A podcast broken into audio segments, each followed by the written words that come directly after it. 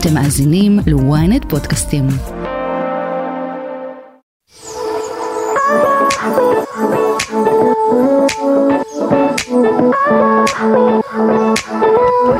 שלום, אתם על הברזייה, מה קורה? אני בר זגה ואיתי באולפן נמצאת אמירה בוזגלו. אמירה, מה שלומך? איזה כיף סוף סוף שאנחנו מדברים פה. נכון. ואתה יודע, המסגרות שתמיד דיברנו זה במסגרת עבודה, נכון. במסגרת התוכנית רדיו שהייתה לי. נכון, התגעגעת לקונספט הזה של לשבת ולדבר? אני תמיד מתגעגעת. כאילו, קודם כל, אתה יודע, זה פודקאסט, כן? שזה בעצם אה, האבולוציה כבר של עולמות הרדיו, בדיוק. אבל אני נולדתי ברדיו, מה זאת אומרת? נו, זאת העבודה למה את הראשונה לא שלי.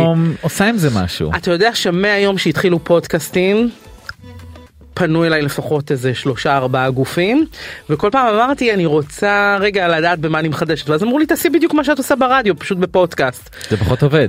כן ואז ההתמהמהות שלי כל פעם רגע להגיד מאיפה אני מוצאת את החידוש.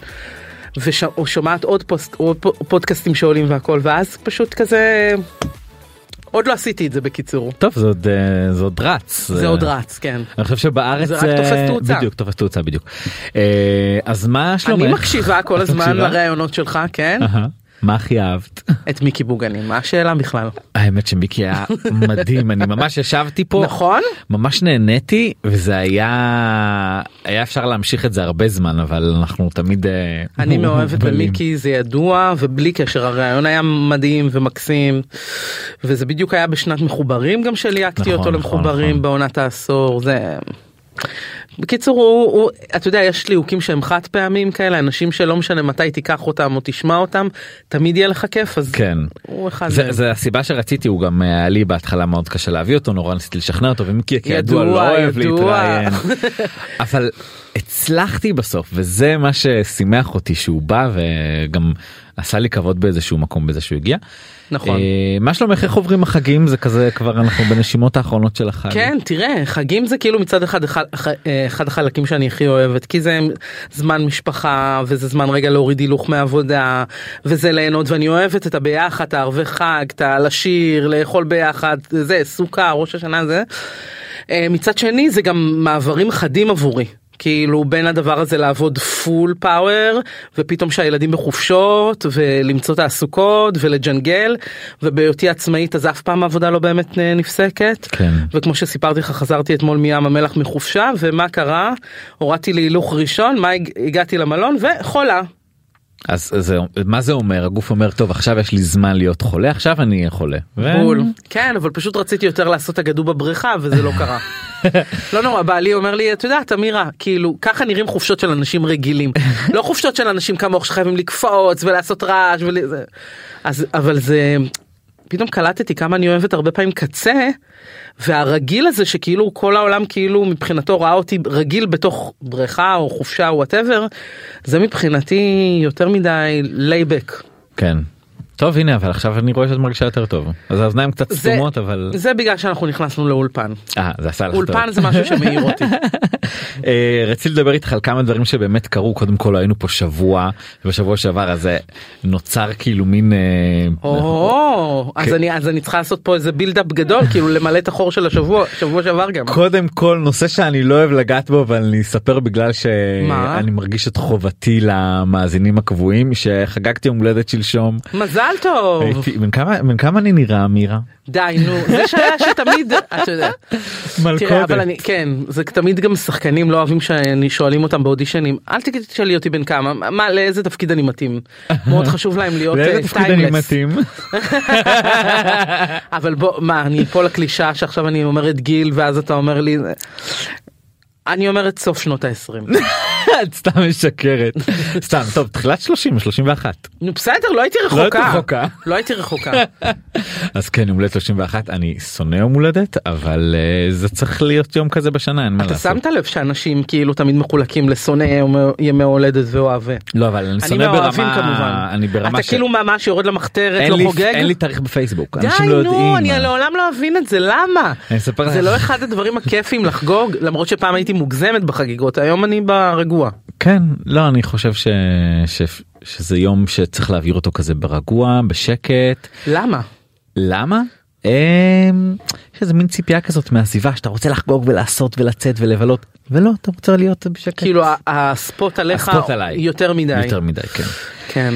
אמ, אז אה, זהו זה היה זה ודברים אחרים שקרו. מאיה ורטהיימר העלתה אה, פוסט ממש ממש מרגש ממש נוגע כן. בטח יצא לך לראות שהיא אה, בעצם פונה לאנשים שיש להם אה, בעיות פוריות נכון. ועוברות את כל עניין ההזרקות. יצא לך אה, לראות את הסרטון הזה? תראה מה זה קודם כל יצא לי לראות את הסרטון ואני מכירה את מאיה היטב וגם יצא לנו לדבר לא מעט בנושא הזה גם בא- באופן אישי. אמ, אני חושבת א' שזה מעשה שהוא חשוב. אה, מן הסתם קודם כל היא נמצאת בפרופיל תקשורתי מאוד מאוד גבוה ואנחנו גם מדינה מאוד אה, ישירה כאילו יש את הדברים הטובים והפחות טובים. היופי בישראליות זה שאנחנו חמים ודואגים ואת תעברי ברחוב וכשרק תזכירי את המילה פוריות כל אחת ישר תשלוף ותגיד לך זה הרופא הכי טוב שלי והכוונה היא באמת אמיתית וטהורה כאילו תקשיבי אני הצלחתי להיכנס להיריון בואי קחי את הרופא שלי וזה וזה וזה. וזה היופי בישראלות שלא תמצא את זה בשום מדינה אחרת. החלקים הפחות טובים של הישירות הזאת כי מן הסתם תמיד יש מינוס ופלוס לאותם דברים. זה החטטנות יתר, השמרנות שלנו. הדבר הזה נגיד שמאיה נגיד עכשיו יש לה את אסיה שכולם מכירים ואז נשאלת השאלה רגע ילדה עוד שנייה בת ארבע מה קורה עם הילד הבא. ואז כלומר אנשים כבר עושים את החשבונאות ונכנסים בעצם אה, הרבה פעמים לתוך זוגיות ושואלים עכשיו זה גם בסדר כשאת בן אדם ציבורי ואת משתפת שאנשים גם שואלים זה בסדר לא בוא לא ניתמם בתוך הדבר הזה. כן. אבל אני חושבת שבזה שמאיה בעצם במקום להעביר את זה בשתיקה של כנראה יש בעיה או החלטנו שלא או כל מיני ספקולציות היא שמה ומנכיחה את זה. ואני חושבת שבכלל מובילות דעת קהל ונשים מוכרות שיכולות להעלות נושאים שעד היום הם היו טאבו או לא דיברו עליהם הם נושאים מאוד מאוד חשובים. אני יכולה להגיד לך שכמה שאני מרגישה את עצמי אה, אישה נאורה ומשתפת והכל אמ, כשאני נכנסתי בפעם הראשונה להיריון כשעוד לא תכננתי ואמרתי וואו איזה כיף כאילו כל החיים מלמדים אותנו לשמור לא להיכנס להיריון ואז כשאת רוצה ילד זה פתאום קורה אז את אומרת וואי כאילו עכשיו אני מגלה שאני פוריה בעצם וזו ברכה מאוד מאוד גדולה. אבל אז כשאחרי חודשיים וחצי בעצם אני חווה בפעם הראשונה את הדבר הזה שאני מרגישה שמשהו לא תקין ואני הולכת לגינקולוג והוא באופן הכי קר ובוטה.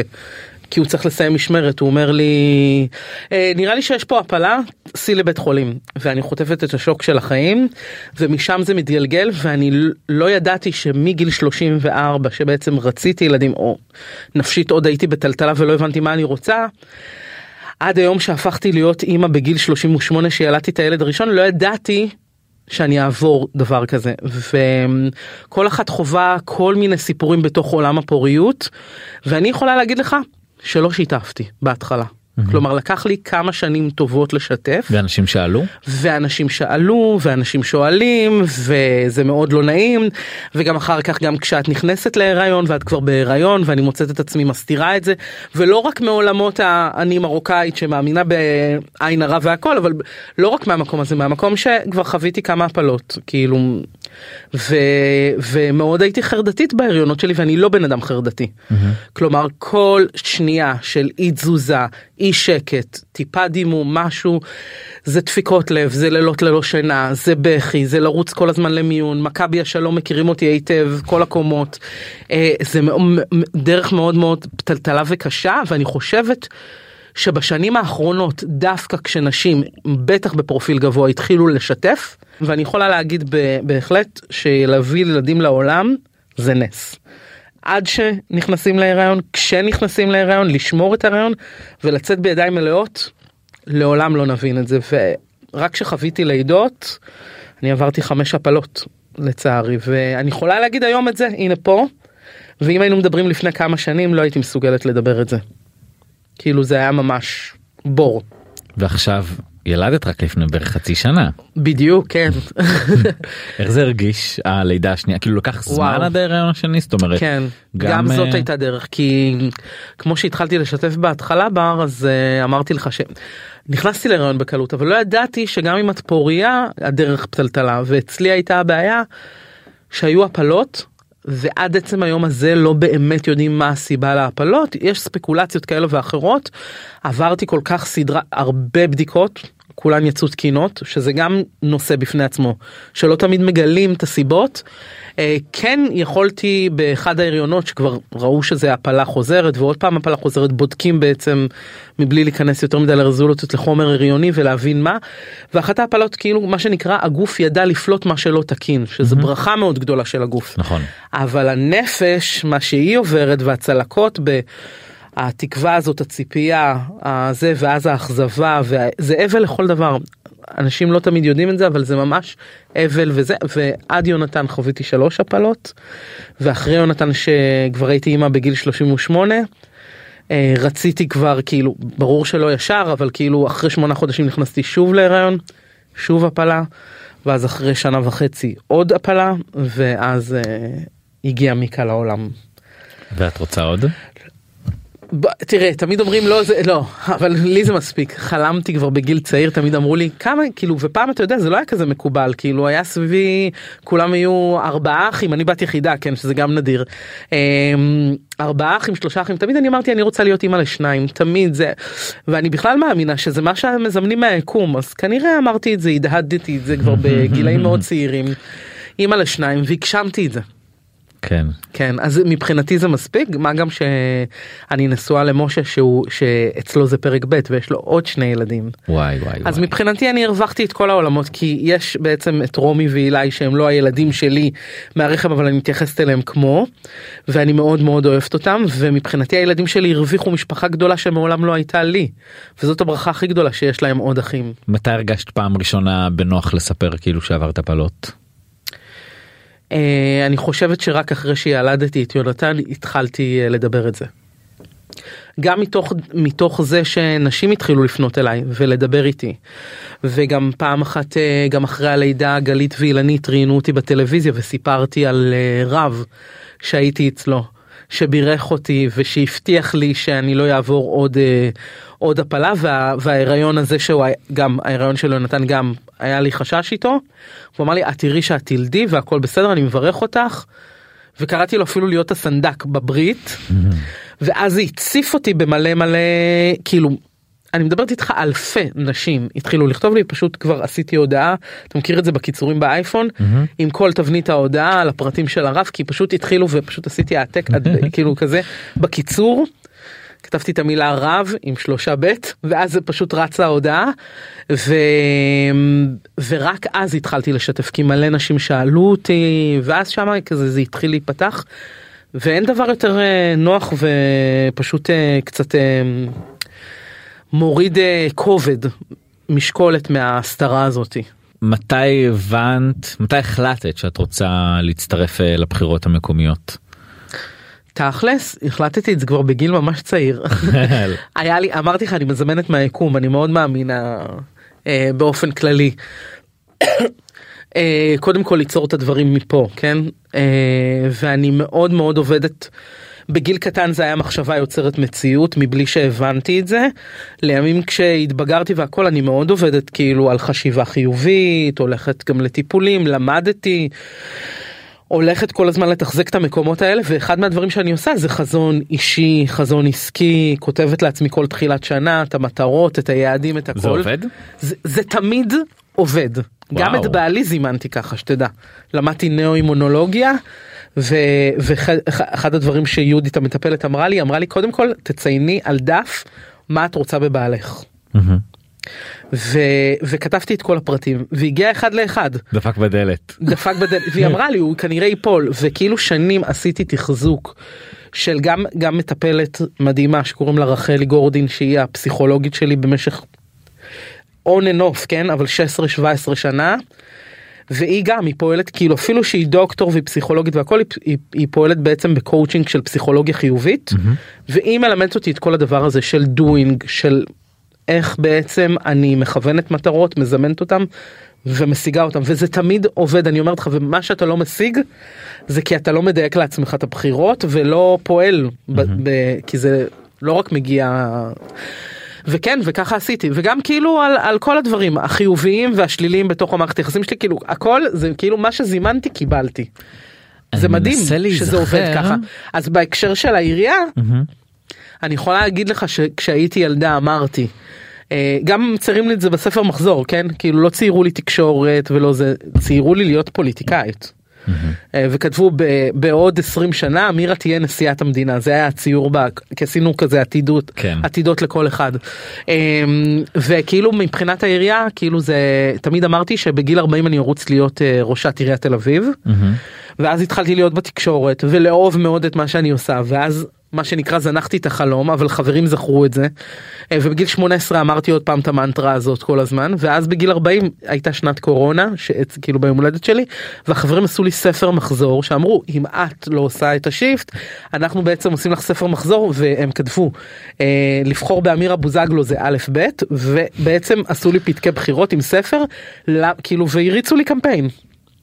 וכשהגיעו עכשיו הבחירות אז אה, זה, זה, זה שוב זה זימון מהיקום כי כי כבר בחודש תשיעי הרגשתי שאני צריכה לפעול לא ידעתי במה. זנחתי את העניין המוניציפלי עד שקיבלתי טלפון ממי? דווקא מאורנה ברביבאי או-אה, אוקיי. כן שעל זה צריך להגיד לה תודה. קיבלתי ממנה את הטלפון הראשון ומשם זה התחיל כמו כדור שלג. אז למה בעצם לא הלכת איתה? אה, רגע אבל רצית להגיד משהו לפני לא? תגידי תעני תעני אני אני זוכר מה יש לי להגיד. אמ, למה? אה, קודם כל אני תמיד קודם כל פתוחה במחשבה וכשקיבלתי את הטלפון אני אני בכלל כל העבודה שלי הרי להיות מלהקת והכל זה אינטואיציה כן זה לקלוט אנשים זה תחושות בטן זה וכשהדבר הזה פתוח הצינור הזה והעין השלישית הזאת פתוחה אז הדברים מאוד מאוד אני מקשיבה למה שאני מרגישה וזה לא תמיד להבין עד הסוף מה מרגישים וכשנפגשתי איתה בפעם הראשונה קודם כל אישה מרשימה אישה ראויה שלא יצוין אה, לרגע אחרת. אמ, זה בחירות אבל- בדרך כלל צריך ללכלך אחד על השני לא? ככה לא, זה עובד. קודם כל אני לא מאמינה בללכלך על נשים נקודה. חלק מהקולגיאליות שלי והסולידריות הנשית שאני לא מאמינה בללכלך על נשים אחרות בוודאי כי אנחנו היינו צריכות לעבור דרך ארוכה. אבל עם כל זאת זה לא אומר שבהכרח אני חייבת אה, לקדם רק אישה בגלל שהיא אישה. ועם זה אגב אני לא מסכימה כי קמפיינים הבחירות קצת שוטפים את זה צריך לבחור אישה כאישה. אני לא מסכימה עם הגישה הזאת. אתה לא אני לא רוצה גם שיום אחד מישהו יבחר בי להיות לא משנה אם זה ראשת עיר חברת כנסת שרה כי אני אישה. אני רוצה שתבחרו בי כי אני ראויה. וזה הבדל מאוד מאוד גדול שיותר מדי מנכיחים את המגדר כי בעיניי זה מקטין אותנו אנשים שיבחרו בי רק כי אני אישה אוקיי אני לא חושבת שבחרו להיות בגולדה מאיר ראש ראשת ממשלה דאז בגלל שהיא הייתה אישה בחרו בה כי היא ראויה ולימים כן. זה זה אבל לא ניכנס לנושא הזה. לא זה הוכח אבל אני אומרת בסופו של דבר דווקא אה, אחרי שאני אומרת את התודה לאורנה ישבתי מולה. ואני זוכרת את אחת השאלות ששאלתי אה, נפגשנו דווקא בבית כי זה היה עוד חודש לפני שהיא בכלל הודיעה על זה וזה היה מאוד סודי. ואחת השאלות ששאלתי אותה אני חושבת שאת מצוינת. כלומר כנסת ישראל הרגע זקוקה לך יותר מתמיד. אה, הרי מספר 2 של יאיר כן? אה, את, את צריכה להיות שם עכשיו ה- הכל טקטוני שם למה עיריית תל אביב? ולא הצלחתי לשמוע תשובה אה, מספיק מדויקת. ואמרתי לה את זה מאוד כאילו לא חס וחלילה בלפגוע. אמרתי לה אני חושבת שאת אישה מצוינת אבל תסבירי לי למה את הליהוק לתל אביב. אני לא מצליחה להבין את הליהוק המדויק הזה. ואני פועלת מאוד מראש של ליהוק. כאילו לא הצלחתי להבין למה היא הליהוק המדויק. ואחד מהדברים על אף שקיבלתי מה, מהצוות שלה ועשיתי סדרת פגישות איתם כן? לא אחת לא שתיים לפני שבחרתי. ואחרי שפגשתי בסדרת פגישות את הצוות שלה שרץ איתה ואת הצוות של כך חולדאי שהם שמעו שבעצם פנו אליי והם התחילו את, שלל החיזורים על, אה, אה, מולם אני יכולה להגיד לך שזה לא בר השוואה. כלומר הנבחרת שיש לרון ורון בעצמו בתור אחת שמי שנולדה וגדלה בתל אביב זה זה מנהיג שלא היה. זה כלומר הוא עשה לנו פה מתל אביב אימפריה וזה לא בכדי זה לא קרה סתם שפתאום תל אביב אה, שואפת להיות ואפילו לדעתי יותר העיר ממנהטן. היקרה בעולם. היקרה בעולם כי המדינה יקרה בעולם בו. כן. כאילו יוקר המחיה בוודאי לא קשור לראשי הערים הוא קשור לראשי מדינות דווקא אבל אה, בסופו של דבר אני הרגשתי שאורנה היא לא הליהוק המדויק אה, לעיריית תל אביב לפחות לא עכשיו. מה אני הולכת לתרום? כן. הרבה. קודם כל, אחד- בעצם רגע את, את במקום מסוים ברשימה כן כן כן אני, ב- אני רצה קודם כל ברשימה של תל אביב אחת אוקיי שהיא בראש בראש ובראשונה היא של רון חולדאי ואסף זמיר זו רשימה אה, שרון הוא מקום ראשון אסף הוא מקום שני ואני רצה בתוך הרשימה הזאת כמו שאתה שמעת נזכרתי חודשיים רק לפני הבחירות ואפילו שקיבלתי מקומות הרבה יותר טובים מאורנה החלטתי לרוץ עם רון בגלל. שאני רוצה ללמוד באמת מהטובים ביותר יש שם רשימה נבחרת של אנשים מקצוענים שרצים שנים וכל אחד יש לו טיקט כאילו באמת כל אחד בא שם. באיזה מקום את? אני מקום תשיעי בעשירייה הראשונה. אמ, ו... אבל כן אני יכולה להגיד לך שהכוונה שלי והסיכום שלי שהיה גם עם הנבחרת אה, של רון ועם רון בעצמו זה קודם כל שחשוב לי אחד להיות בעצם אה, יועצת ראש העיר לענייני תרבות. אני רוצה לחבר את התעשייה שלנו כי בסופו של דבר תל אביב היא המקום של האומנים שגרים שם. רוב היצירה בארץ קורית מתוך תל אביב כלומר השחקנים הבמאים הבמאיות היוצרות. אה, אני רוצה בעצם לחבר בין העירייה לבין האומנים באופן ישיר ולעשות שיתופי פעולה שאני כבר שנים יש לי רעיונות שאני חושבת שאפשר לעשות עוד הרבה יותר חוץ מזה שכמובן יש את התיאטראות הגדולים בישראל והם נמצאים בתל אביב והכל אבל לעשות חיבורים הרבה יותר אה, אה, קונקרטיים וגם חשוב לי אתה יודע כל סיפור החינוך הגיל הרך יש מצוקה של סייעות בכל המדינה בכל הארץ. אה, חשבתי על רעיונות על תוכניות שאפשר לעשות צמצום בתוך כבר תל אביב ואחר כך שכולם ילמדו מזה. לכל המאזינים שלנו אהבתם צחקתם נהניתם עקבו אחרינו בכל רשתות הפודקאסטים פעמון בספוטיפיי פולו באפל ובכל שבוע תהיו הראשונים לשמוע את הפרק שלנו. איך באמת המצב הזה תופס אותך? כל הנושא הזה כאילו תל אביב היא בירת הליברליות הישראלית כן. ופתאום יש עליה איום עצום שמרחף מעליה. זה מאוד מאוד מלחיץ. אני חושבת שזה מאוד מאוד מלחיץ לא רק ברמה התל אביבית אני חושבת שבכלל המושג חילוניות על אף שאני אישה מסורתית כן אבל זה לא קשור. אה, אני מסתכלת על הדברים זה שאני מדליקה נרות שבת או מתפללת או עושה אה, ברכות השחר בבוקר אה, ונטילת ידיים אינו קשור לתפיסת עולמי שאני צריכה לכפות אי פעם דת על מישהו. ובסופו של יום אני יכולה להגיד לך ש, שהמושג חילוניות התעורר מחדש מהמקום הזה. כי הרבה דיברו איתי גם על יום כיפור והכל ואני אומרת רגע רגע רגע רגע. עד שלא באים ודופקים לך בבית ומאיימים עליך אתה לא נלחץ הרי בסופו של דבר דתיים וחרדים וחילוניים והכל. בדרך כזו או אחרת עם סטטוס קוו כזה או אחר עם קצת אה, נפיצות כן מרכולים בשבת לא מרכולים בשבת הסטטוס קוו הזה יתקיים עד היום יחסית בסדר אוקיי ופתאום מה שאנחנו רואים בשנה האחרונה מאוד מאוד מפחיד. ואני חושבת שתל אביב חווה את האיום הגדול ביותר כי יש משהו בכלל לאנשים אה, אני גם לא אוהבת את החיבור בין ליברליות לשמאל כי זה לא תמיד אומר ששמאלנים הם ליברלים או ליברלים זה אני לא אוהבת את ההיקש המיידי הזה. אני חושבת שאנשים ליברליים הם פה במחשבה שלהם יכולים להיות ליברלים חרדים וכן הלאה ויש זרמים כאלה. אה, אבל אני חושבת שבסופו של יום אה, אנשים רוצים לחיות ולחיות טוב ושלא ישפטו אותם ושלא יגידו להם ושלא ידברו איתם על הנטייה המינית שלהם ושלא יגידו להם איך לחיות ומה נכון ומה לא נכון ו... ובסופו של דבר כשאתה רואה אנשים משיחיים קיצוניים מתחילים לאיים על זה. זה באמת לא מתאים ואז אתה רואה באמת את המושג תל אביביות שהיא באמת בועה בדבר הזה כי הרבה פעמים אומרים בועה בצורה שלילית אני חושבת שהבועה הזאת גם יש בה חלק חיובי של הדבר הזה של להיות רגע כשבן אדם מגיע ממקום שלא מקבלים את זה שהוא שינה מין, את זה שיש לו נטייה מינית אה, אה, שלא תמיד אה, התקבלה באהבה בסביבה שהוא נולד, וכשהוא בא לתל אביב, זה היופי בעיר הזאת, שאתה הולך ולא שופטים אותך, וזה בכלל לא משנה אם זה נטייה מינית, או אם תלך עם שיער כתום על הראש, כן, או איך תתלבש, או איך תנשום, או מה תגיד.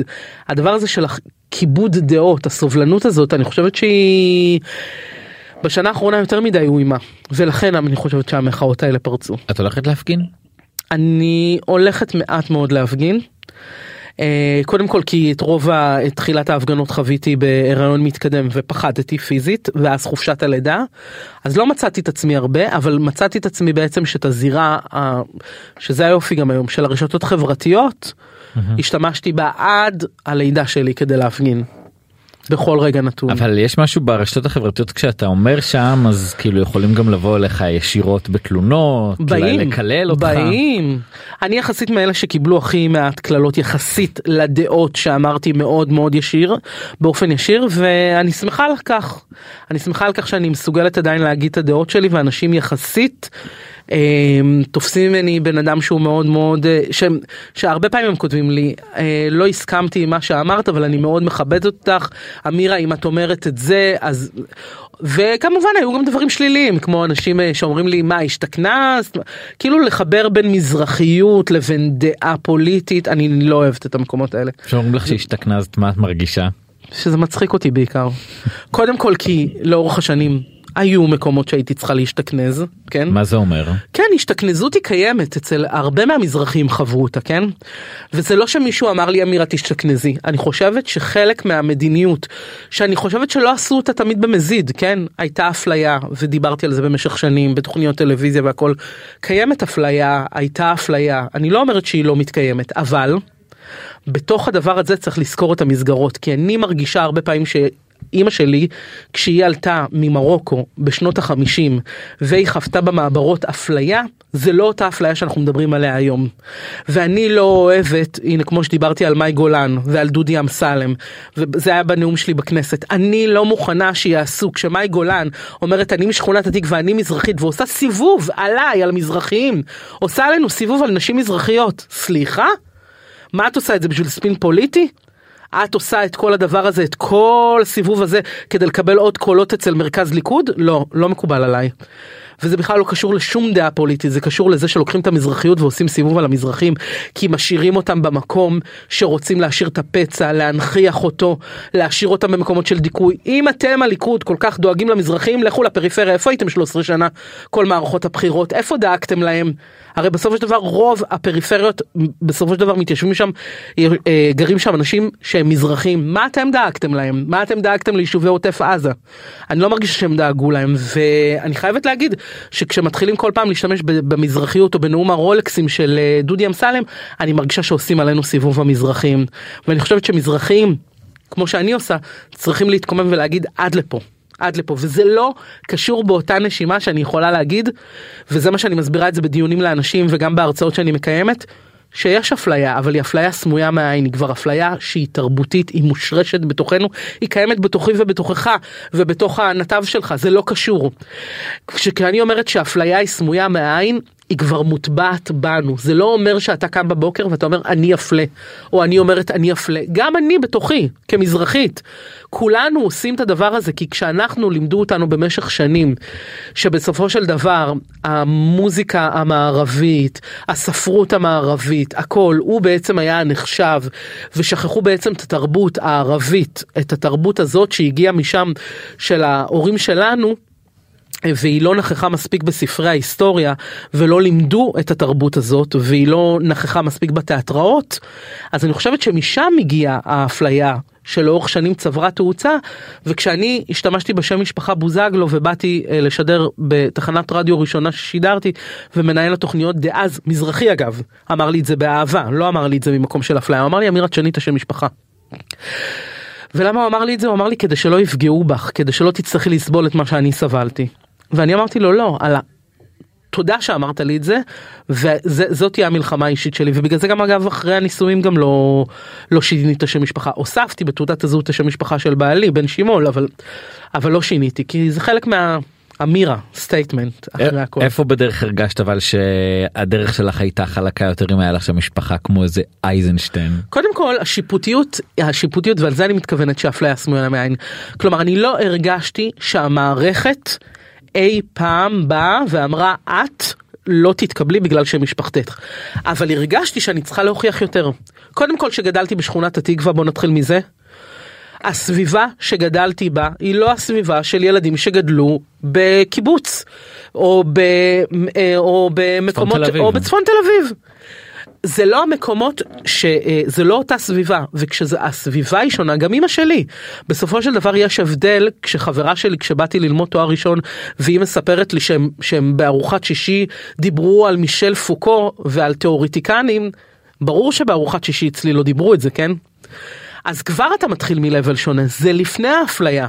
כלומר, הסביבה הלימודית והמקומות, ואחת התובנות הגדולות שקרו לי בחיים זה שכשהצבא, שזה הכור ההיתוך הראשון, וה, והלימודים האקדמיים, שזה המכות הראשונות שחוויתי א', מה זה להרגיש פתאום את הדבר הזה, שאני מול עצמי, לא העולם, אני מול עצמי מרגישה שונה, ואז מה זה אומר, וזה זה אחת המכות הטובות שקיבלתי כי הבנתי פתאום תובנות על החיים והבנתי מה אני רוצה גם לעשות ולמה אני גם מגיעה לעולמות התקשורת והיום לעולמות גם אה, נוספים בפוליטיקה. ואחת התובנות שהבנתי דרך, ה... דרך הצבא זה כשהגעתי הגעתי לקורס מש"קיות חוויה 96 בנות בן אחד הייתי בין המזרחיות היחידות אם לא היחידה הייתה עוד אחת אבל באמת מייחוס מאוד מאוד גבוה וכשאמרו את כל שמות המשפחה בלונשטיין לוינשטיין זה זה וכשהגיעו לבוזגלו אני זוכרת שהרגשתי שהאוויר קפא במקומו עכשיו כנראה שזה היה רק בתחושה שלי ויכול להיות שגם לא. אבל אף אחד לא אמר לי כלום עובדה שקיבלו אותי גם לקורס הזה. אה, גם לימים גיליתי שאני הראשונה מדרום תל אביב שיצאה בקורס הזה ואז התחלתי לשאול את עצמי שאלות כי הרגשתי שונה. קודם כל צבע העור שלי לא שאני איזה כאה אבל אתה רואה מלא בלונדיניות פתאום כאילו אתה יודע ואנחנו לא בשוודיה אנחנו בישראל. ואתה פתאום מסתכל על הכיתה ואתה אומר אני שונה אני כנראה שונה. אני גדלתי בבית אחר ואתה פתאום ואני מתחילים ללמד אותנו זה קורס מדהים שבמשך חודשים מלמדים אותנו על מדינת ישראל ועל ההיסטוריה שלה ו, וללמד אה, אה, אה, הדרכת טיולים והמון המון המון ידע מורשות קרב וכן הלאה. וגיליתי שאני ממש כאילו כמו שבבית ספר אמא שלי הסבירה לי שהסקרנות שלי והידע שלי הוא שיוציא אותי מהשכונה אז מהר מאוד הבנתי את זה מאוד בצה"ל ומאוד מאוד מהר הבנתי גם כמה יש לי פער לעומת אותן בנות? כי כולנו היינו יושבת ראש מועצת תלמידים כולנו יצאנו מהצופים וכולנו זה אבל אני באתי מקסטה שונה ממעמד קצת אחר. וכשהבנתי את זה הדבקתי עוד יותר את הפער ו, והסקרנות שלי וזה המזל שלי החוכמה שלי היכולת למידה מהירה היא זו שמהר מאוד הדביקה את הקצב. ואז התחלתי לשאול שאלות אמרתי רגע חוויתי סוג לא של אפליה אלא של דימוי נמוך בגלל היותי מזרחית. אבל מה שונה כי הם לא התייחסו אליי שונה ומהר מאוד הפכתי להיות. המאוד מרכז העניינים בקורס הזה. ואז הבנתי מסקנה ראשונה. שאת חווה את זה קודם כל מול עצמך כי את גדלת בתנאים פחות. Mm-hmm. ואז את מדביקה את הפער ואז את שואלת את עצמך אז למה לא הגיעו בעצם? אז מה זה אומר שמה יש פחות מנת משכל? יש פחות זה? לא כן הציבור ההוואי שהיה אז לא אפשר.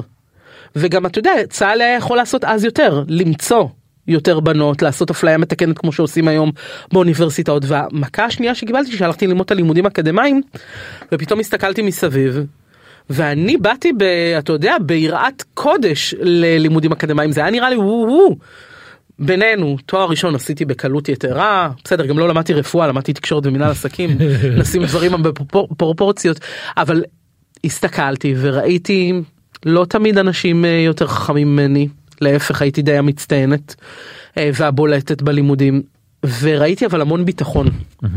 כלומר גם נשים וגברים שלאו דווקא היו עם איזה ידע כללי אבל ביטחון מאוד גדול לשאול גם שאלות לפעמים מטופשות ואני אמרתי כאילו איך הם שואלים מרצה דוקטור פרופסור שאלות כאלה ואז ראיתי כולם מגיעים מאזורים מאזורים מאוד מסוימים ואז שאלתי את עצמי שאלה מאוד פשוטה שהעבירה לי את, המציאות.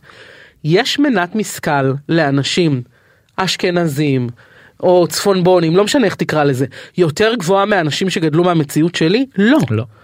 יש להם פשוט אחד אמצעים תנאי פתיחה גבוהים יותר mm-hmm. אמצעים כלכליים יותר וביטחון מהבית שדוחף אותם שזה מובן מאליו לעשות תואר ראשון בסביבה שלי מי דיבר איתנו על תואר ראשון. זה ההבדל. תמיד אומרים ונותנים כדוגמה את אה, שכונת התקווה כשכונת עוני שכונה של אה, נכון. קושי מה זה אומר מה החיים שם מה זה. אני יכולה להגיד לך שכמה שפעם הייתי אומרת שכונת התקווה כאילו זה שם ציני קצת התקווה. אבל אה, קודם כל היום אני יכולה להגיד לך שהיום אני רואה גם את היופי בשכונת התקווה כן? אני גם רואה את הדברים הטובים שיצאו לי מתוך השכונה. אה, זה פריפריה חברתית לכל דבר. כלומר ההבדל בין פריפריה שאת חיה בירוחם או שאת חיה בשכונת התקווה שבחמש תחנות אוטובוס הייתי בדיזינגוף סנטר. וזה פער עצום. כלומר לגדול בתל אביב שהיה לי גם את העולמות האלה אמנם גדלתי בזה אבל יכולתי לקחת את, ה, את קו 32 ולהגיע לדיזינגוף סנטר הוא יוצר איזה משהו אחר שעטנז שאני חושבת שיש לו גם תמורות מאוד מאוד גדולות ובגלל זה אני גם מאוד אוהבת את העיר שלי כי גדלתי ובעצם ספגתי הרבה סגנונות בתוכה. אה, אבל הילדות שם היא שוב לא ראיתי פשע או אלימות מול העיניים זה תמיד דווקא קורה אתה יודע כנראה גרו שם אנשים כאלה אבל הם דווקא דאגו דווקא במקום הזה כאילו הלכנו די בביטחון בתור ילדים כי דווקא האלימות היא יוצאה משם היא לא הייתה בתוכה. אז זה אחד אבל אני כן יכולה להגיד שכנראה חייתי בסוג של עם רתיעה על העיניים.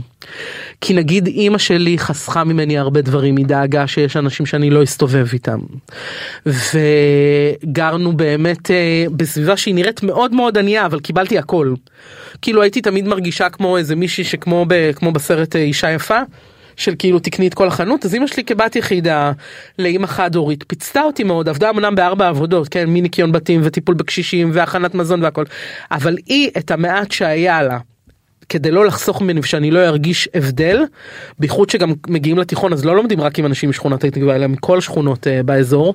Um, היא דאגה תמיד כאילו ממש כמו בסרט אישה יפה כנסי לחנות תקני. כזה אז כאילו קיבלתי הכל והייתי דווקא כאילו מעין ילדה כזאת שידוע שיש לה אז לא לא חוויתי איתם במקומות הקטנים האלה אבל כן בסופו של דבר כשאת חברה של ילדים אה, מצפון תל אביב ומהכל כשאת באה לבית שלהם לעומת הבית שלך את רואה הבדלים אה, תאומים. את זוכרת איזשהו אה, מפגש כזה? בטח שאני זוכרת אין אין ילד שלא יזכור את זה זה צרוב בנשמה. אה, אני זוכרת שהייתי אפילו בקייטנת כדורסל ובאו ללמוד לא ילדים מצפון תל אביב כן מנחלת יצחק גרתי שם בשנתיים הראשונות של הנישואים שלי שם. ובאו ילדים משם הם למדו בגימנסיה אני למדתי בעירוני ט' ו...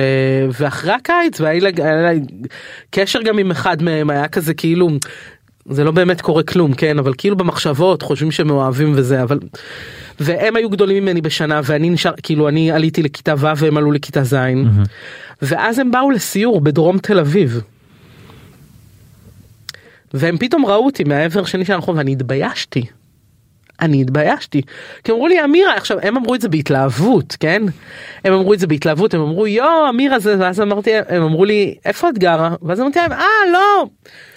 את החרטוט הזה כן. ויש את זה הרבה לילדים משכונת התקווה איפה אתה גר ביד אליהו לא בשכונת התקווה אני רוצה רגע ש- שבמעט זמן שנשארנו לדבר קצת על, על הליהוק. כן בטח מה השאלה איך הפכת להיות מלהקת? וואו זו שאלה אני בכלל הייתי קודם כל אמרתי לך התחלתי מרדיו ואז כשהגעתי לטלוויזיה הייתי תחקירנית של ארז טל מהר מאוד אה, הפכתי להיות עורכת תוכניות אבל הניצן הראשון דווקא זה היה שהייתי תחקירנית זה היה בעצם אה, 40 שנה לחגיגות אה, הטלוויזיה אני שלא תפוס אותי במילה אם אני זוכרת נכון והחזירו את רק בישראל. נכון זוכר בטח גדלתי על זה ראיתי את כן. את ה- את האיחוד הזה שעשו. בדיוק ואז היה את אורנה בנה איחדו עם ארז טל ואני עבדתי אצל ארז והוא ביקש במסגרת הזאת להקדיש כל תוכנית לאישיות גדולה שעשתה את הטלוויזיה ואני לא אשכח את זה אני כאילו הייתי תחקירנית וכתבתי אני זוכר תוכנית ראשונה על דודו טופז.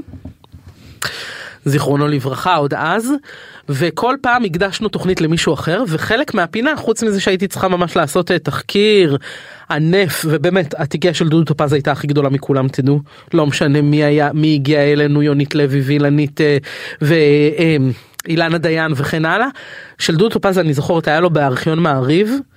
מותר להגיד את השם הזה או שזה היה זה? זה בסדר ארכיון. ארכיון. ארכיון. אה, 13 מעטפות אנשים לא יודעים איך נראית תיקיית ארכיון כן זה פשוט קשישות. בפנסיה יושבות וגוזרות גזרי עיתונים ואני אומרת מתי יעבירו את זה לדיגיטלי אולי יעבירו את זה כבר אגב אז. יש לנו פה ארכיון מאוד מאוד מאוד ענף אז אני כן. מכיר אותו אני מכיר כל תיקייה. והן כאילו. עדיין יושבות וגוזרות הם לא גוזרות כבר כי זה הפך לדיגיטלי אבל הדברים שם ד- גזורים. ו- גזורים. כן. וזהו ואני זוכרת שהתיקייה שלו הייתה הכי מפוצצת 13 מעטפות ישבתי לצלם ככה במכונת צילום ו, ואז ארז הגה רעיון שנעשה ניקח בעצם נשים קשישות. מצחיקות שכאילו יעשו איזה פינה שהן מדברות על הבן אדם באולפן מה הן חושבות עליו את כל השאלות ומוציאים את זה מפינה כמובן מאוד מאוד קומית והייתי צריכה בעצם לנסוע ברחבי הארץ ולחפש קשישות מצחיקות. עכשיו לא היה עדיין עולם הליהוק אף אחד לא הבין מה זה ללהק. ואמרתי טוב אני מה אני עושה פשוט ישבתי עשיתי תחקיר התחלתי להתקשר לכל הבתי האבות באזור. התחלתי לדבר אמרתי להם אני באה עם מצלמה אני אעשה אודישנים כתבתי לעצמי שאלות. איך אני אבחן אותם והתחלתי לעשות טסטים כאלה. וזאת הפעם הראשונה שגיליתי שאני אוהבת לעשות את זה וליהקתי שם קשישות מהממות והתאהבתי בדבר הזה של לשבת מולם לראיין אותם לחזור עם החומרים למצלמה ואני זוכרת שארז החמיא לי על זה ואז לימים המשכתי גדלתי הייתי עורכת תוכניות והכל ואז התחיל עולם הריאליטי בארץ.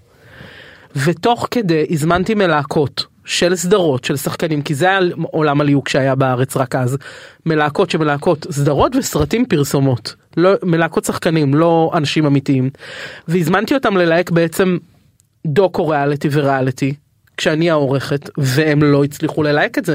אז מצאתי את עצמי מהלחץ מלהקת את מה שהם צריכות לעשות במקומן. ואז הם התחילו להציע לי בואי תלהקי סדרות סרטים רוצות רוצה לעזור לנו?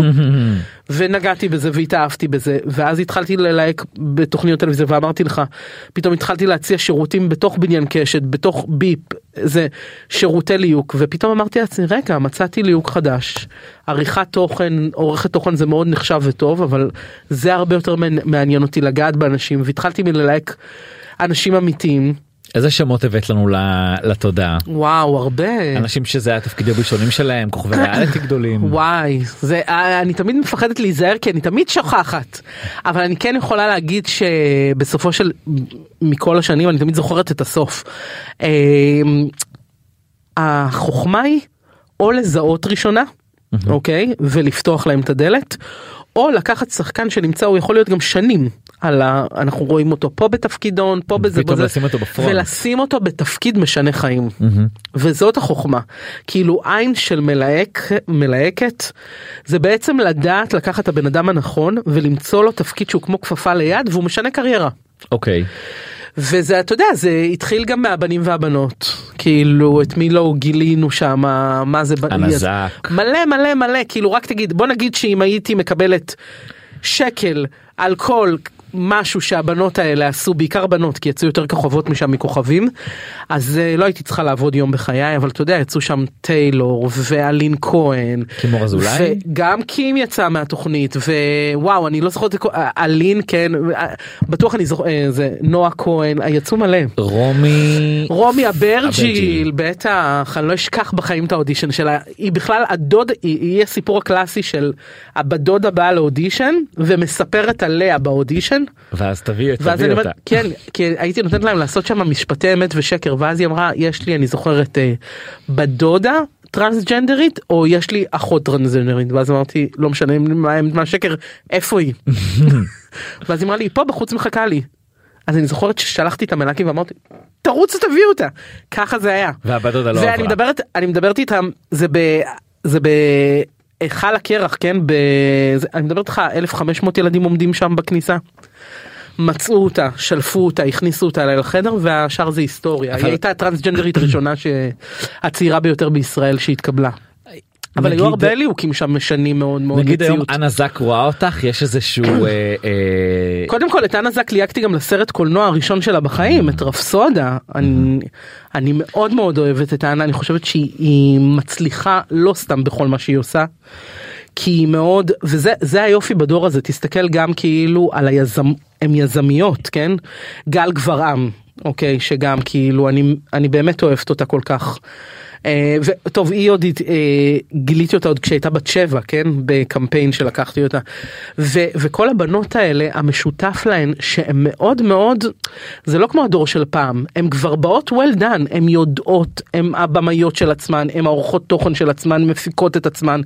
זה מדהים לראות את זה בגיל כל כך צעיר אבל גם כמובן שחקנים אתה יודע זה אורל צברי שמרגע שהבאתי אותו לשבאבניקים השתנתה לו כל המציאות. ומאיה ורטהיימר שאני רואה את זה שזה כתוב פה עם הפפרצי שבשבאבניקים גם בכלל שבאבניקים פתחנו את הדלתות להרבה דברים אורי לייזרוביץ' אתה יודע בוא נגיד שיש קאסט של ארץ נהדרת אה, בזכותנו אה, של אנשים אבל יש עוד הרבה כן איזה כוכבים מריאליטי יוצאת נגיד אח הגדול עשית? אח גדול אף פעם לא עשיתי כמלהקת אה, בלעדית לדבר אבל הבאתי דמויות כאלה ואחרות חלק עדיף לא לזכור אני מעדיפה לא להיזכר בכולם אבל כן. אז יהיה פה עולם תרבות שלם שיזכור אותך. כן טפו טפו אפילו אני זוכרת כן אפילו יש גם רגעים אתה יודע שהם פחות טובים כי נגיד אני אני מקווה שהם זוכרים לי טוב כן אבל נגיד. הבן של מיקי זוהר, אוקיי? אני זוכרת שהוא הגיע אליי לאודישן באביבו אייל, וכאילו... ישבתי עליו המון, התקשרתי אליו, התקשרתי לאנשים בקריית גת, לאבא שלו, לכולם כדי לשכנע אותו כי הוא לא כזה. ואמרתי לו תקשיב אתה תהיה כוכב, תבוא אלינו, אני נשבעת לך שיהיה לך, כאילו אליאב תבוא. והוא ככה התלבט מאוד וזה וזה ואז היה את האודישן הנוראי עם אה, אביב גפן כי אבא שלו הגיע. והם התחילו לריב וזהו וזה כאילו ואני אמרתי כאילו לעצמי באותו רגע כאילו מתתי מבפנים כי אמרתי שכנעתי בן אדם אני יודעת שהוא יכול להיות כוכב ו... והוא יצא בחוויה מרה מהסיפור mm-hmm. ואני כל כך שמחתי לראות אותו אחר כך על המסך בכוכב הבא. שזה היה מבחינתי סגירת מעגל נכון כאילו יואב אה, צפיר בסופו של דבר הוא אחראי על שתי התוכניות. אז הם בטח הוא ענה לו על תשובות וככה הרגיע אותו בטח כשהוא הגיע והכל אבל אני חושבת א' איזה כיף שהם ליהקו אותו.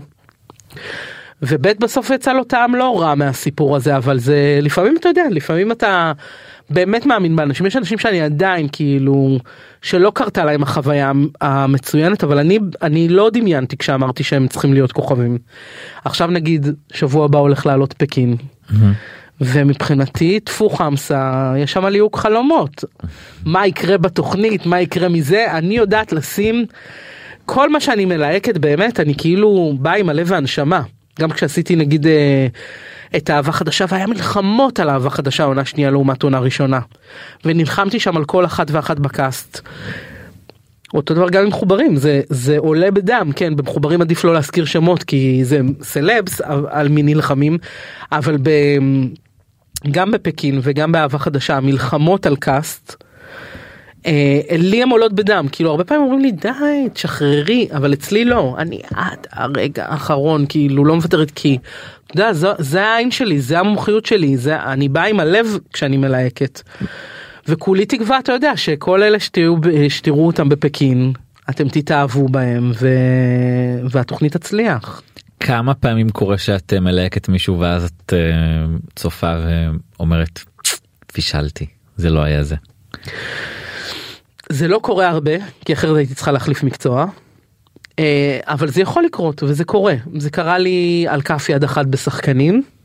על כף יד אחת וזה הרבה פעמים כי שחקן אה, נגיד אני זוכרת סיפור של שחקן כזה לא משנה אני אני אגיד פרטים מאוד מעטים גם כדי לא לפגוע בכבודו וגם כי כי אני לא חושבת שהוא יודע את זה בעצמו. אבל אני יכולה להגיד שאני נלחמתי עליו לשבור את הטייפקאסט שלו ממש הוא היה רגיל לעשות משהו אחד מוכר המדינה מכירה אותו ואני נלחמתי להביא אותו בדיוק על משהו הפוך שאני לא חושבת שמישהו אחד היה מלהק אותו אפרופו התודעה שלי המזרחית ה... ו... וממש נלחמתי שהוא יקבל משהו אחר. ובאמת צילום הוא פישל גם אני וגם הבמה התאכזבנו ו... לא יודעת כאילו החיים לא יצא לי מאז ללייק אותו לא שאני עושה, עושה מחברת שחורה יבוא תפקיד שמתאים לו אני עדיין אציע לו אבל הוא אכזב מאוד בגדול. יש, זה הרבה פעמים כי אה, עולה להם. יש איזה מין uh, מחברת שחורה אבל ש, שאנשים שוואלה את רואה אותם. אני בן אדם לא נקמן. באמת גם כשאני עצבנית ואני יכולה להגיד זה נגיד לא משנה הייתה איזה גם מישהי זה לפרסומת עברי זה יום לפני אמרתי נשבעת בחיים לא מלהקת אותה על החוסר מקצועיות הזאת. והנה לפני חודש אה, ליהקתי אותה למשהו אני לא באמת אה, זה אני גם לא מאמינה בזה. בנקמנות אבל אני כן מאמינה בעוד ממקצועיות ואני חושבת שאנשים שבאים למקצוע הזה בכלל לא משנה אם באים לריאליטי או לשחק תפקיד בסדרה או בסרט או שזה המקצוע שלהם הם קמים בבוקר ומשחקנים הם צריכים להבין שזה מקצוע וזאת עבודה וזאת עבודה קשה. זה נראה על המסך נוצץ אבל בסופו של דבר זה בכלל לא משנה אם אתה בא לריאליטי או הכל זה עבודה קשה. זה גם מאוד. נראה היום שזה גם אבל נורא קל להגיע כאילו אני רואה מלא אנשים שכזה מאינסטגרם ומטיק טוק פשוט את יודעת ראו אותם עשו כמה סרטונים מצחיקים ופתאום היום הם שחקנים בטלוויזיה זה נורא מוזר אני לא חושבת שזה מוזר אני חושבת שזה נפלא אוקיי ואני אגיד לך גם למה. אה, הנה אני מחברת לך את הכל בר אני עוטפת לך.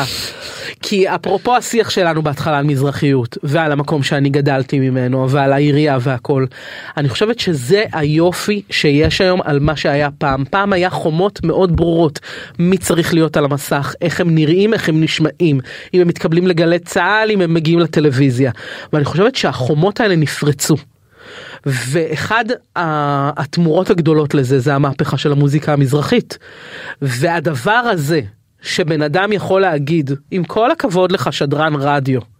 אתה יכול להשמיע לי עד מחר מוזיקה אבל אנחנו מצביעים ברגליים ואנחנו אז דאז קונים קסטות בתחנה מרכזית ואחר כך שומעים את זה בדיסקים ולימים אחר כך בסופו של דבר צורכים את המוזיקה הזאת ביוטיוב. בסופו של דבר אין לי בעיה עם מעמדו של הרדיו שכאילו ירד הוא פשוט קיבל פרופורציות הם כבר לא אלוהים. הם אני אומרת לך בתור שדרנית רדיו שנים זה מהמם.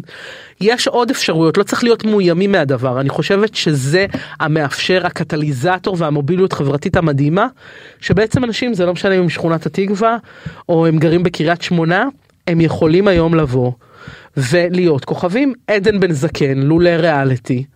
יכול להיות שהייתה נהיית זמרת ויכול להיות שלא אני מאמינה שכשאתה צריך להצליח אתה תצליח. זאת אומרת זה שוויון אה, הזדמנויות אני חושב שזה שוויון הזדמנויות אדיר וכשאתה מסתכל על זה ההוא עשה סרטונים מצחיקים אני אומרת רגע. פעם מה הייתה אופציה שאתה תהיה בלהקת הנחל כשאתה תצא רק אה, מחונטה מאוד מסוימת אז היום כן אם אתה מאוד מוכשר הטיק טוק יקבע את זה. הצופים שלך יקבעו את זה אז אני לא אומרת שאין את הרעות החולות בתוך הדבר כן? כי לא כל דבר הייתי רוצה שישודר והכל.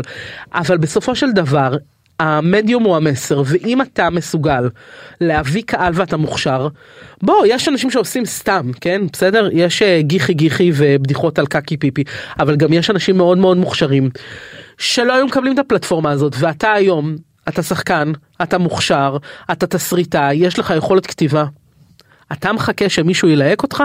זה מה שאני אומרת לשחקנים בסדנאות. בקורס אונליין שלי אחד הדברים שאני הכי מלמד אותם קחו אחריות על המקצוע שלכם. קחו יש לכם פה מתנה גדולה. אני אלמד אתכם את כל הארגז כלים. אתם רק תשתמשו בתוך הדבר הזה. אני מלמד אותם ממש איך לעבור אודישן נכון מה לעשות איך אבל אתם לוקחים את הדבר הזה ואם אתם מוכשרים תיצרו אל תחכו שאני המלהקת תגלה אתכם. תיתנו לי לרדוף אחריכם וזה מה שיפה בעולם הזה שהשתנה. כלומר גם מעמד המלהק פתאום זה לא שהמעמד שלנו ירד הוא פשוט הפך להיות בזה שכן מחר מחרתיים מישהו יכול לשבת בבית שלו וככה אודי כגן התגלה. אוקיי וככה אורל צברי התגלה כי את אורל צברי אני מכירה מהרשתות חברתיות אה, ומתוכנית שליהקתי אותו פעם לתוכנית בדיחות אבל לא משנה אה, בערוץ 24 אה, וככה ברגורביץ'. גריה בארגורביץ' התק- התגלתה וככה אושרית סרוסי וכשבאתי ללהק גם לגיתית את זאת וזאתי ולאושרית זה הגיע משם. הם לא היו מקבלות תוכנית טלוויזיה אם הם לא היו קודם פועל, פועלות ברשתות אז אני אומרת איזה כיף שיש מגוון של כל כך הרבה אנשים מוכשרים שלא חיכו שמלהק או עורך תוכנית או מישהו יגלה אותם הם פשוט יצרו בעצמם וחטפו אותם. זה בעצם עולם שלם כמו אפליקציות אתה נכנס לבנק אפליקציות אתה נכנס לבנק של ליהוקים שלם שהכישרונות מונחים בפנינו. לך יש איזושהי אג'נדה משהו שחשוב לך אה, ששחקן יביא איתו חיצונית באופי שלו ב, ב, דעת באיך שהוא נראה זה מאוד מאוד חשוב בסוף במיוחד בתקופה שלנו שאם זה אה, כמו שאמרת אה, בהיר מול כהה או רזה מול שמן או דברים כאלה. אז אני יכולה להגיד לך ואני אתן לך אפילו אני אשלח לך פרק מתנה ממני של הקורס האונליין שאני בדיוק מדברת על זה. אני מדברת על כל העניין הזה שהעולם החדש השתנה. פעם היית צריכה להיראות קייט מוס, להישמע מאוד מסוימת, להיראות מאוד מסוימת והיום ביופי עדיין כולנו אוהבים יופי, כולנו אוהבים אסתטיקה, אנחנו לא צריכים אה, ללכת מאחורי הדבר והכל, זה מהמם. יכולה להיות אנה זק מאוד מאוד יפה, ויכולה לצד זה לקום מישהו שהוא plus size, ומישהי שעם אקנה על הפנים, וכולם יכולים להצליח כל עוד יש להם מה לתת. ואני אומרת איזה יופי שהעולם השתנה ואין רק חד ממדיות יופי תמיד יישאר וזה כיף לראות אבל זה לא הדבר היחידי זה לא חזקת הכל. פעם כשאם תראה סרטים אה, אה, דוקומנטריים על הוליווד של פעם.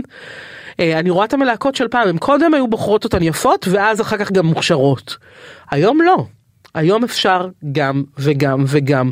והרבה פעמים כשאתה רואה אה, נהנית לראות כאילו כשבסופו של דבר אני חושבת נגיד שהניצחון של רוקדים עם כוכבים עם חבשוש אני חושבת שהיא ההוכחה לניצחון שאת לא צריכה להיות מלכת הכיתה ואת לא צריכה להיות הבלונדינית הבייבה יפה כדי להיות זאת שתזכה ברוקדים עם כוכבים. כי האישיות ומה שאת מביאה והמסר שאת מביאה והכישרון שלך כי היא מוכשרת על והיא קומיקאית על וגילינו גם שהיא רקדנית והיא יודעת לדבר ולהתבטא זה מה שמהמם ובסוף אנשים מתאהבים פה. בפנוכו וזה לא קלישאה זאת אמת השאלה מה יש לך למכור מה יש לך למכור מה אתה מביא האם הטיקט שלך הוא רק נראות גם אפילו נראות שהיא לא הקונבנציונלית. אבל או שיש לך גם עוד משהו להביא ואני חושבת שזה היופי בעולם שהוא נפתח. והסברתי את זה בקורס אונליין לפני שלוש שנים שכתבתי על ויקטוריה סיקרטס וחזיתי את זה והנה הם במשבר הם בפשיטת רגל ופתאום אתה רואה שהם מתיישרים. הם לא הבינו את זה כמו שאמרתי לך על מהפכת המוזיקה המזרחית. הם לא הבינו את זה דרך הקהל הם לא הקשיבו לאנשים בכל המידות בכל דימויי הגוף. הם הבינו את זה בכיס. אני יכול להגיד לך ש... ניסיתי שתחמיא לי. אני, אני, אני עשיתי לעצמי רשימת שאלות פה שלא לא היה לי זמן אפילו להעיף עליהם. מה, מה, מה, תריץ שאלות, מה רצית לשאול אותי? לא, דברים ששאלת, את יודעת, אני לא באמת צריך להסתכל עליהם כדי לדעת מה לשאול אותך, זה לא, סתם מעניין אותי, מה, מה רצית לשאול ולא שאלת? ולא שאלתי. עכשיו אני שואלת את המראיין. נראה לי שדי שאלתי הכל, כן. נו, אתה רואה, בצורה כזו או אחרת. כתבתי על אימהות לשניים, איך זה בגיל 42 בטח יותר קשה, פיזית להתרוצץ, לשבת איתם על הרצפה, ללכת לג'ימבו. יותר קשה, יותר קשה. אנחנו עושים את התוכנית בפורום. כן. טוב על הבחירות די שאלתי הכל למה צריכה פוליטיקה תחום מלוכלך זה ענית שאלנו אותך. כי קודם כל אני הולכת למוניציפלי וזה פחות מלוכלך זה הרבה יותר נקי זה הרבה יותר נקי וזה הצעדים הראשונים שלי ואני באמת רוצה להיות חברת מועצה אני רוצה להשפיע. שאלה ש... כן. תל אביב אחת לא לשכוח כולם להצביע ברשימה יש שני פתקים אנשים לא יודעים את זה פתק אחד למועצה שזה אליי ופתק אחד זה לרון ואתם יכולים האם קודם כל להצביע לי. האם השחקנים או אנשים שרוצים להיות אה, אה, על המסך שבאים אלייך הם, הם גם צריכים ללקק לך לאורך הדרך הם עושים את זה זה מעצבן אותך את אוהבת את זה את לא אוהבת את זה. תראה מה אני הולכת לענות לך אבל זה כי אני מרואיינת טובה. אוקיי. סתם אני מחמיאה לעצמי. אני, אני אגיד לך את זה אתה יודע שבניסן נתיב אוקיי אני מלמדת כל שנה בניסן נתיב את סטודנטים שנה ג' ניסן נתיב תל אביב אה, ואתה יודע שאני מקדישה להם שיעור שלם בסדנה שלי. לחנפנות ולקקנות? מה, מה, האם מה שמעת? שיעור כזה פעם? כן, יש לא. שיעור כזה. אז אני מלמד אותם וכל פעם הסטודנטים ואתה צריך לראות איך הם מתרעמים. כל השיעור הם על מה? למה? הם רוטנים כי אני מפרקת להם, הם רגילים שתבוא מלהקת. אני ויגיד להם תפסיקו ללקק תפסיקו להתחנף תבואו בגלל המקצועות המקצוענים שלכם ואני ממש עושה להם שיעור שלם זה ארוך כדי להסביר את זה אבל בוואן ליינר. אני מסבירה להם את חשיבות החנופה ואני לא אומרת להם אני אומרת להם גם תעשו את זה בחוכמה לא ללקק בזה אבל כן תדעו את חשיבות המינגלינג ותדעו את החשיבות שאתם נכנסים לחדר ואיך אתם מתייחסים למלהקת ואיך אתם מתייחסים לבמאים ובמאיות ואת הדבר הזה להכרת הטוב והתודה. כי הם לא יודעים ביום שאחרי הרבה פעמים להגיד תודה שליהקו אותם שפתחו להם את הדלת שזה אתה יודע הרבה פעמים מתפרסמים והם שוכחים את כל המערכת הזאת של מי של המלהקת של הבמאי של היוצרים שהם בעצם היו חלק מהדבר הזה ששינה להם את המציאות. ובאופן כללי הדבר הזה שהם נכנסים לחדר אודישנים הם חושבים שהם באים רק ללמוד טקסט בום Mm-hmm. להקיא אותו זה לא עובד ככה. בסוף זה חיבור בין אנשים כן. אני מסתכלת לך בעיניים מה אני מרגישה וזה אנרגיה שיוצאת והם לא תמיד מבינים את המשמעות כי הם בבתי ספר למשחק מלמדים אותם לשחק. כן. אני התפקיד שלי ובגלל זה בניסן נתיב אה, אה, הסדנה הזאת כל שנה רצה כבר שנה חמישית זה שאני מלמד אותם את כל הכלים מסביב שאת זה לאו דווקא ילמדו אותם בבית ספר. טוב אמירה אז אחרי ששאלנו הכל וואו אנחנו יכולים להיפרד. אז אני בעד חנופה כן. כן. אמירה את אישה נפלאה את אה, בר אתה לא פחות לא, היה רציתי לי קצת כיף. להכניס חנופה. וזה אה, עבד זה? מה שאני מסבירה להם שזה תמיד עובד על כל בן אדם תעשו ניסוי בבית גם למאזינים והצופים. האמיר באמת שיכולנו תראה, זה ההקלטה הכי ארוכה שהייתה לי ever. וואו. אני לא אשקר אני אצטרך- רוצה לשבור שיא גינס בוודאות אני אני- הראשונה. את בוודאות הראשונה אבל אני אהיה חייב לקצץ כי אף אחד לא יקשיב לי יותר מ-50 די יום דקות. מעניין מה תוריד. אמירה תודה רבה רבה ושיהיה בהצלחה בבחירות. ותבטיח לי שכל הסובבים שלך גם פה בוויינט ובכל המשרדים וכל מי ששומע אותנו שיצביעו לי.